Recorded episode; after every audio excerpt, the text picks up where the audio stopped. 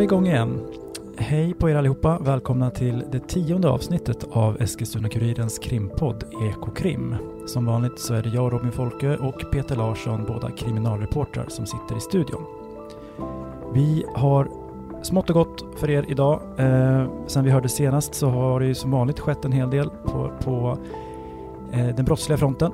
Vi har bland annat haft en, eh, en stor brand på Eskilsgatan eh, på Söder i, eh, här i Eskilstuna. Vad vet vi där Peter förresten? Vad vet vi? Vi vet att eh, 35 hushåll blev eh, evakuerade och inte fick återvända till sina bostäder. Att vissa är förstörda och inte kan flyttas tillbaka till och att det pågår en utredning om grov mordbrand. Just det. Så att eh, det platsar i den här podden än så länge. Tills Ja. de slår fast att det var en, en olycka. Ja. ja. Men vi får återkomma till det om, om det behövs.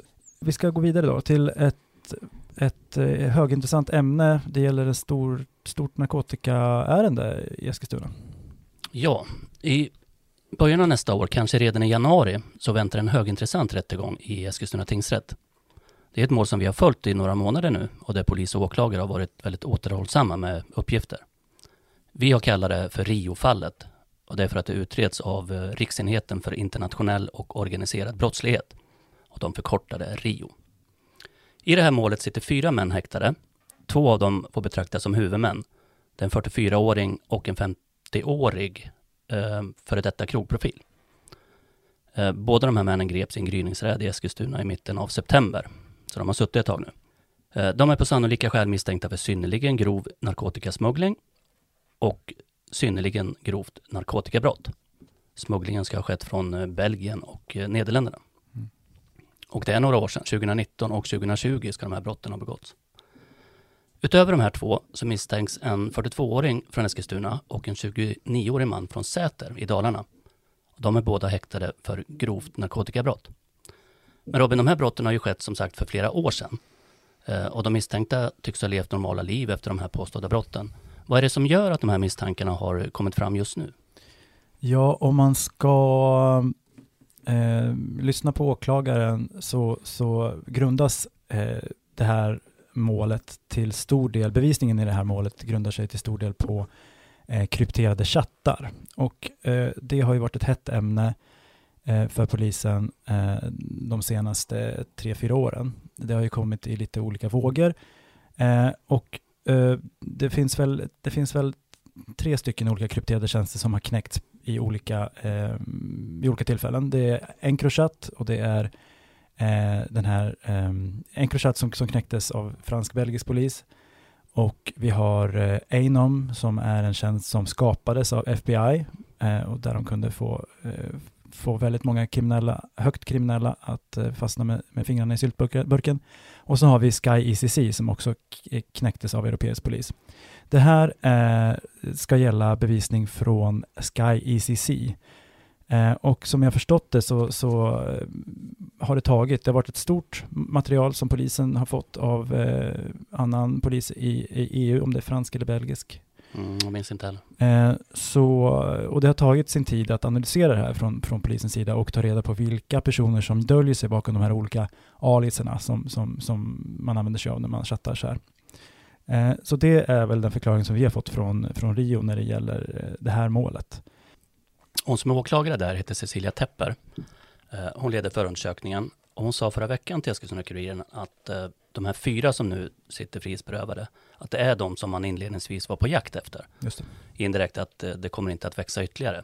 Om inte ny, nya misstankar uppstår när man nu plockar in de här männen och kollar igenom deras datorer och telefoner och, och förehavanden sen de här brotten var. Just det. Så det, det kan ju växa ytterligare, men som sagt, de som hittades i, i chattarna, det är de här fyra männen. Och om de skulle dömas för de här brotten som de nu är eh, häktade för, då, då, är det långa, då är det långa eh, straff vi, vi pratar om där. Absolut. Eh, synnerligen grovt narkotikabrott och eller smuggling, då är det fängelse 6 till 10 år. Mm. Och ett grovt narkotikabrott är 2 till 7 år. Just det. Så det finns ju, det finns ju skäl för åklagarna att, för åklagaren att eh, lägga tid på det här och få dem fällda.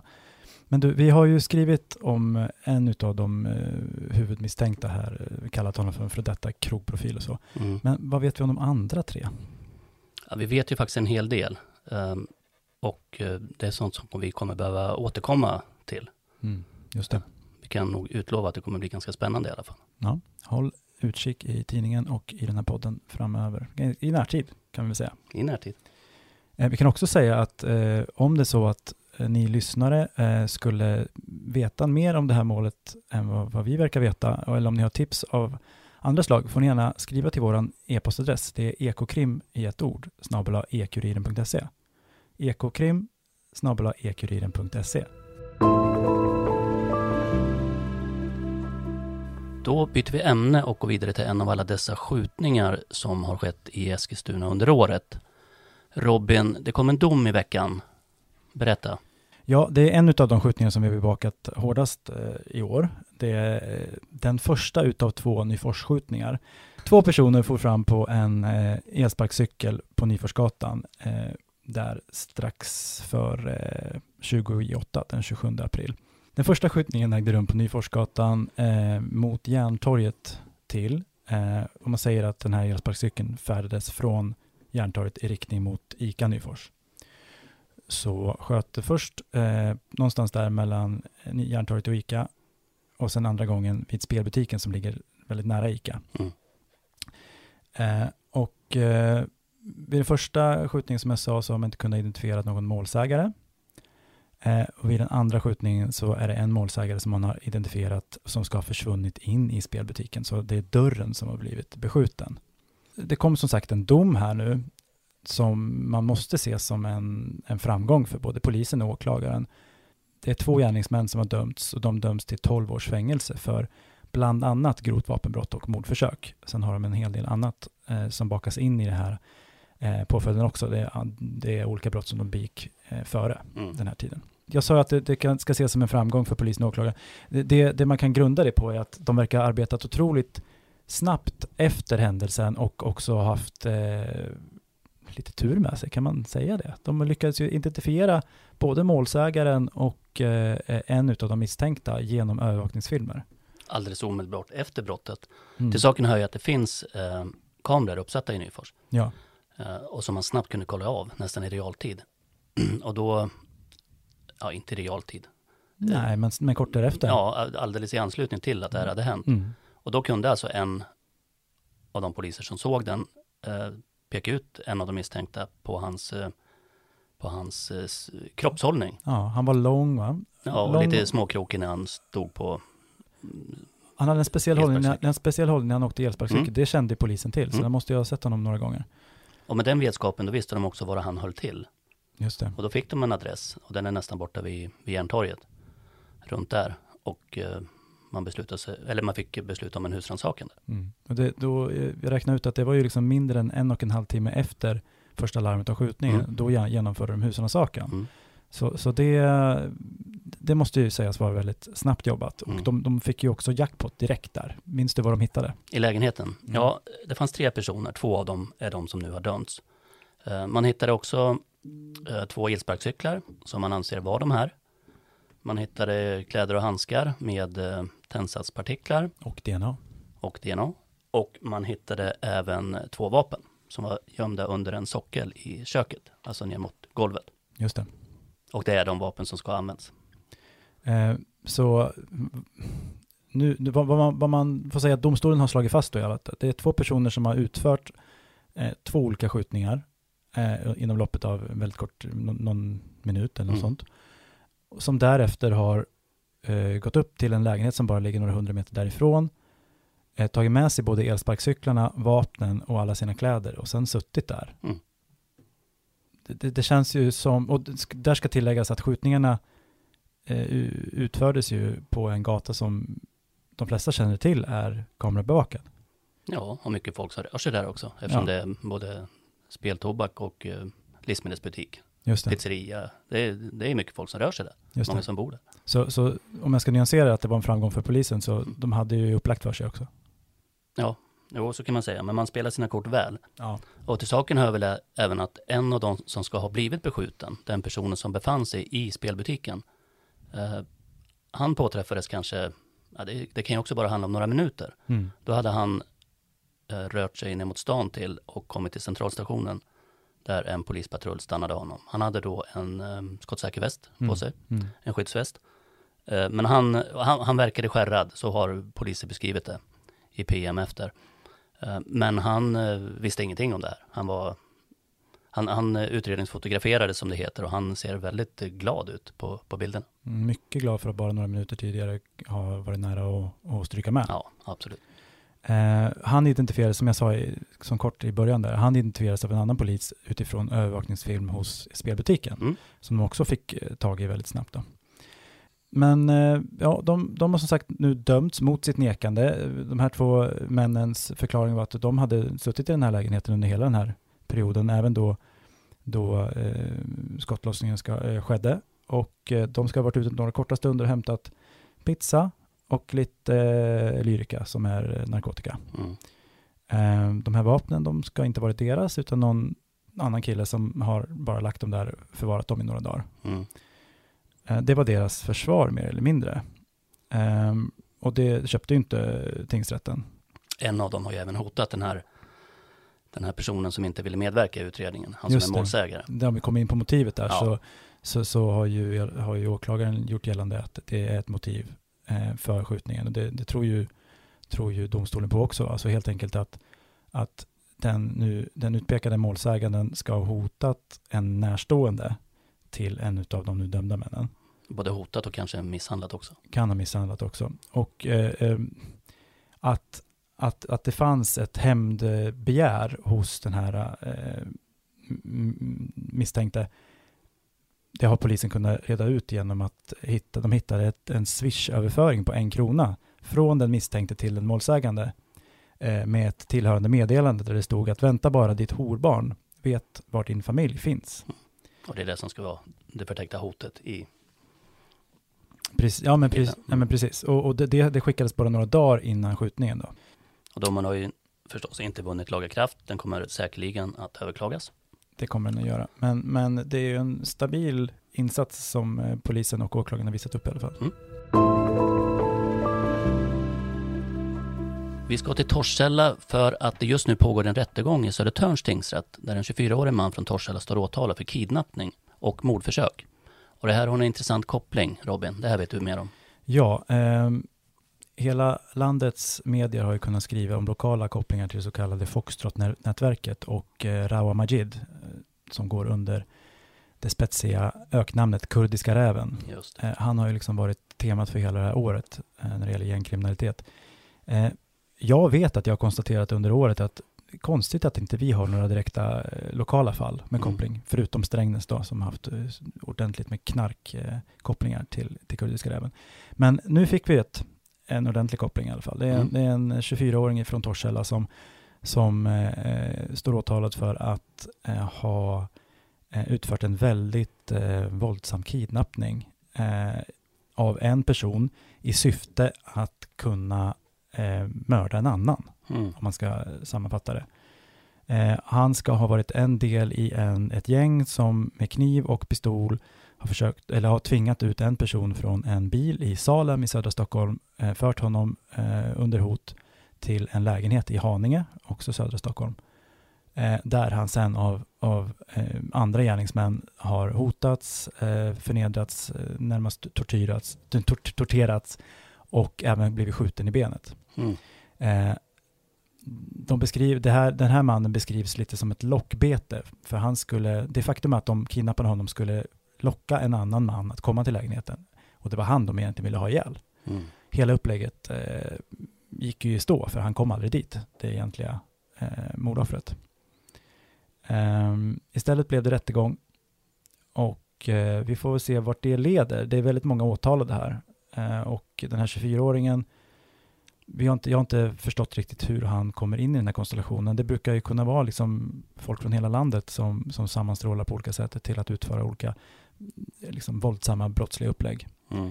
Eh, åklagaren har i alla fall kopplat de här eh, männen eh, till, en, eh, till den kurdiska räven genom olika chattar och så. Och även adresser. Vet vi hans egen inställning till misstanken? Han förnekar, han förnekar. Ehm, så ja, men det, det ska bli intressant att följa. I Södertörns tingsrätt som sagt, en rättegång pågår nu och en dom kommer väl om några veckor. Då berättar vi mer då. Eh, Då till nästa fall. Vi har ju, för några avsnitt sedan så har vi pratat rätt mycket, pratar vi, jag är väldigt mycket om en vapenhärva eh, som utgick från en adress vid Klosterkyrka i Eskilstuna. Mm.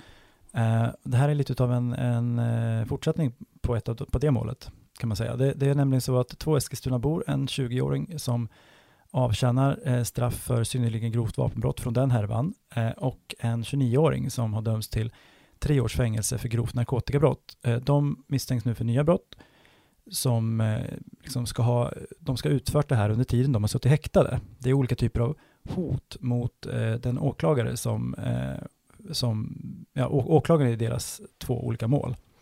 Eh, eh, de ska liksom ha hotat honom i, eh, på vilket sätt då Peter? Ja, det, det, jag, vet inte om du sa det, men båda de här fallen har ju drivits av samma åklagare, fast Ja. det är två helt Olika mål. skilda mål. Ja. Ehm, och vi vet väl inte riktigt om de känner varandra. Det finns en koppling emellan dem, indirekt. Ja. Men de här brotten ska alltså ha skett från häktet, där de, var, där de satt frihetsberövade misstänkta för de här redan nämnda brotten. Eh, och man får väl kanske ta med i, i bilden att de hade suttit eh, häktade ganska länge eh, med fulla restriktioner. De fick sitta ensamma, de fick inte umgås med andra, de fick inte ta emot eh, eller ta del av tv och tidningar och så vidare. De var, de var nog ganska isolerade Mm. Och misstänkta för väldigt allvarliga brott Och frustrerade. och frustrerade. Eh, det, det kan man ha med i bilden. Eh, det som de är misstänkta för, det är att de har skickat brev och formuleringarna i de här breven, det är det som har lett till att, eh, eh, eller det är det som har tolkats som hot mot eh, åklagaren. Mm. Så det är alltså skrivna brev som inte är adresserade till åklagaren utan till, till andra eh, bekanta och kompisar. Och ja, jag vet inte hur man ska beskriva det, men 29-åringen, han som eh, dömdes för eh, narkotikabrottet, han kallade åklagaren för horunge och skrev att han hoppades att åklagarens barn skulle få cancer. 20-åringen, han som greps för Klosterkyrka och dömd för vapenbrott, eh, han är dömd för fyra fall. Han, han, han har alltså skrivit fyra formuleringar eller brev. Han har bli, beskriver det som att horungen ska brinna i helvetets eld och jag vill att Allah ska straffa, jag vill att Allah ska straffa han och ta allt ifrån han. Men de här breven skickades ju inte direkt till åklagaren, men eftersom de var frihetsberövade med restriktioner så blir breven lästa av kriminalvården. Och det visste de här männen, påstår åklagaren. Ja, och det är väl, det, det, det tror jag till och med att de har, någon av dem svarade att ja, men jag visste inte om det var polis eller åklagare som läste dem. Liksom. Nej. Så på något sätt så vidgår de ju att de har skrivit som de har gjort. Mm. Men menar väl att det snarare var ett tecken på frustration och inte ämnat för åklagaren. Mm. Eh, åklagare tillhör ju en yrkesgrupp som återkommande tar beslut som påverkar brottsmisstänkta väldigt, eh, väldigt hårt. Eh, det är ju det är domstolarna, tingsrätten i det här fallet, som beslutar om folk ska vara eh, häktade för, för de brott och om de ska ha restriktioner. Men det är åklagaren som föreslår eh, hur, hur man vill ha det. Eh, trots att åklagarna har en utsatt roll så är det enligt Marcus Ekman som är chef på, eller han är chefsåklagare vid åklagarkammaren i Eskilstuna, där den här åklagaren är anställd. Eh, han säger att det är förhållandevis ovanligt att åklagare utsätts för hot eller förgripelse som leder till åtal.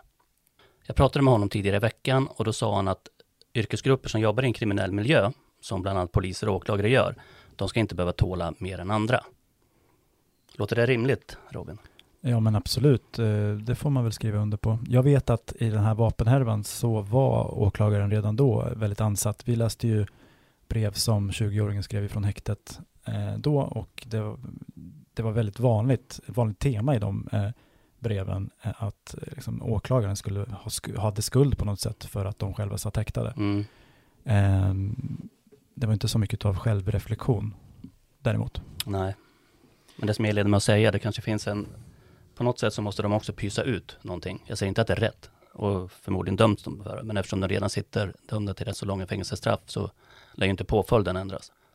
Nej, eh, det kan vara viktigt för den enskilda åklagaren att få lite av eh, upprättelse kanske. Mm. Ja. Då går vi vidare till två andra grejer. Eh, Jag kan, ta, jag kan ju nämna här att eh, i slutet, innan november är slut, så väntar, väntas eh, Uppsala tingsrätt eh, komma, med må, eh, komma med dom i målet om eh, det här hemska mordet i Gällstaviken där en, En 26-årig man hittades hängd. Eh, Gällstaviken är alltså ett naturreservat i eh, Örsundsbro utanför Enköping. Eh, och det, har ju, det är ett väldigt speciellt mål. Det har varit det är fem ungdomar som har suttit eh, häktade under lång tid där. Fyra killar och en tjej. Fyra killar och en tjej, precis. Eh, och eh, vi fick reda på igår att eh, åklagaren i målet eh, yrkar på maxstraff för, för samtliga. Men det är 19-åringen som är då eh, är myndig. Det är den äldsta utav eh, de här fyra bröderna, halvbröderna som är inblandade. Han, han ska dömas till livstidsfängelse, tycker åklagaren. Och ungdomarna ska eh, få fyra års sluten ungdomsvård, vilket är maxstraff för deras ålderskategorier. De är alltså Mm. under 18 år. Så har jag tolkat det. Mm. Så att vi, vi, kommer, åt, vi kommer återkomma till, till det när domen kommer. Mm. Eh, det är en jättelång eh, förundersökning och just det, vi kan ju nämna varför det är relevant för Eskilstuna-Kuriren. Det är nämligen så att det ena brödraparet av de här eh, fyra halvbröderna, de kommer från Eskilstuna. En av dem är fortfarande skriven här, den andra är 19-åringen, han är skriven i Uppsala. Mm. Eh, så därför tycker vi att det är relevant eh, för vår läsekrets att veta hur det går i det målet. Vi återkommer. Och nu till någonting helt annat Peter. En liten kuriös historia får man väl säga. Ja, vi har ju sen senaste podden också skrivit om ett helt unikt åtal som rubriceras grovt rattfylleri. Det är ett dussinbrott som vi sällan eh, skriver om och sällan får några stora rubriker. Men det här fallet sticker som sagt ut. Det handlar om en tidigare ostraffad 20-årig man hemmahörande i Västmanland. Han var på väg i bil och skulle ta sig hem från en kompis i Eskilstuna. Det hände den 30 augusti i år. Bakom honom körde en polis som just hade klivit av sitt arbetspass och var ledig så han åkte en, sin egen bil. Eh, han upplevde att eh, den här 20-åringens körning var, var något vinglig. Han eh, körde i varierande hastigheter, det gick jättesakta och sen gasade han på.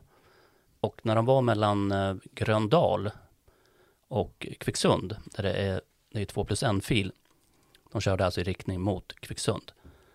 Eh, Då när det var enfiligt så somnade den här killen vid ratten och körde in i vajerräcket och blev stående mitt på vägen. Det var jättelånga köer där. Och låg polisen direkt efter honom? då? Ja, han låg direkt eh, efter och han hade väl hunnit larma eh, några kollegor. kollegor som var i tjänst. Mm. Eh, Men då när den här eh, kollisionen i vajerräcket var ett faktum så gick han fram och- för att titta, titta till föraren. Han misstänkte att han var packad, Mm. men eh, han kunde inte veta. Det kunde vara ett sjukdomsfall eller vad som helst. Mm. Men det han såg och det han också tog en bild på med sin mobiltelefon, det är en bild som vi har publicerat på E-Kuriren. Det är alltså den här mannen, föraren, han satt och sov i förarsätet och i munnen hade han en stor svart uppblåst ballong. Som fortfarande var uppblåst ja. Den var jättestor, det är Mm. nästan så stor man kan blåsa upp den. Mm. Eh, Och mellan hans ben så var det en tub fylld med lustgas. Han, han var inte pigg, den här killen. Han var nästan okontaktbar, han kunde inte prata och han kunde inte gå utan hjälp. Mm. Och vi har ju tidigare skrivit om rattfyllerier där lustgas har varit inblandat, men då har det varit i kombination med narkotika eh, och eller eh, alkohol. Men det här var alltså bara lustgas? Ja, och det är det som gör det lite... kraftfullt va? Ja, han säger i förhör vet jag att han blir jättedålig av det här, så han har ingen riktigt bra förklaring till varför han, Håller på med det? ja, Nej, det låter ju dumt. Speciellt i kombination med bilkörning. ja, ja det verkar ju ha gått väldigt illa också. Mm. Um, och det här kan vara då, började att säga att det var ett unikt fall. Det kan vara det första renodlade lustgas-rattfyllerimålet I, I länet eller i Sverige? ja, i Sverige. Jaha. Uh, Kammaråklagaren som, har, som är förundersökningsledare och har åtalat den här mannen, han heter Tobias Lindblom och jag pratade med honom förra veckan. Och han sa att han inte hade kunnat hitta något annat fall där det är just ett renodlat rattfylleri på lustgas. Men han tyckte att det, var, att det ändå borde prövas. Mm. Det var väl inget problem med bevisningen mot honom med tanke på hur han, i vilket skick han eh, återfanns, eller? Nej, men det är också, det, det blir en bedömningsfråga. Konsekvensen vet vi ju, det var att han körde av vägen eller körde in i räcket. Mm. Men det, det går ju inte att mäta halten av lustgas som det går att gö- göra med narkotika eller alkohol. Nähä. Här har man en promillehalt. Nej. Så här blir det intressant att se hur man, av vems uppgifter som ligger till grund för det som, som komma skall liksom, i, i en dom. Okej, spännande. Men han tyckte som sagt själv att det här var en, en mycket dum eh, handling och han var ångerfull och eh, han har erkänt brottet. Mm, man kanske till och med var lite tacksam att det inte gick värre. Ja, de brukar ju vara det. Det ska man tänka på innan man kör, påverkad av någonting.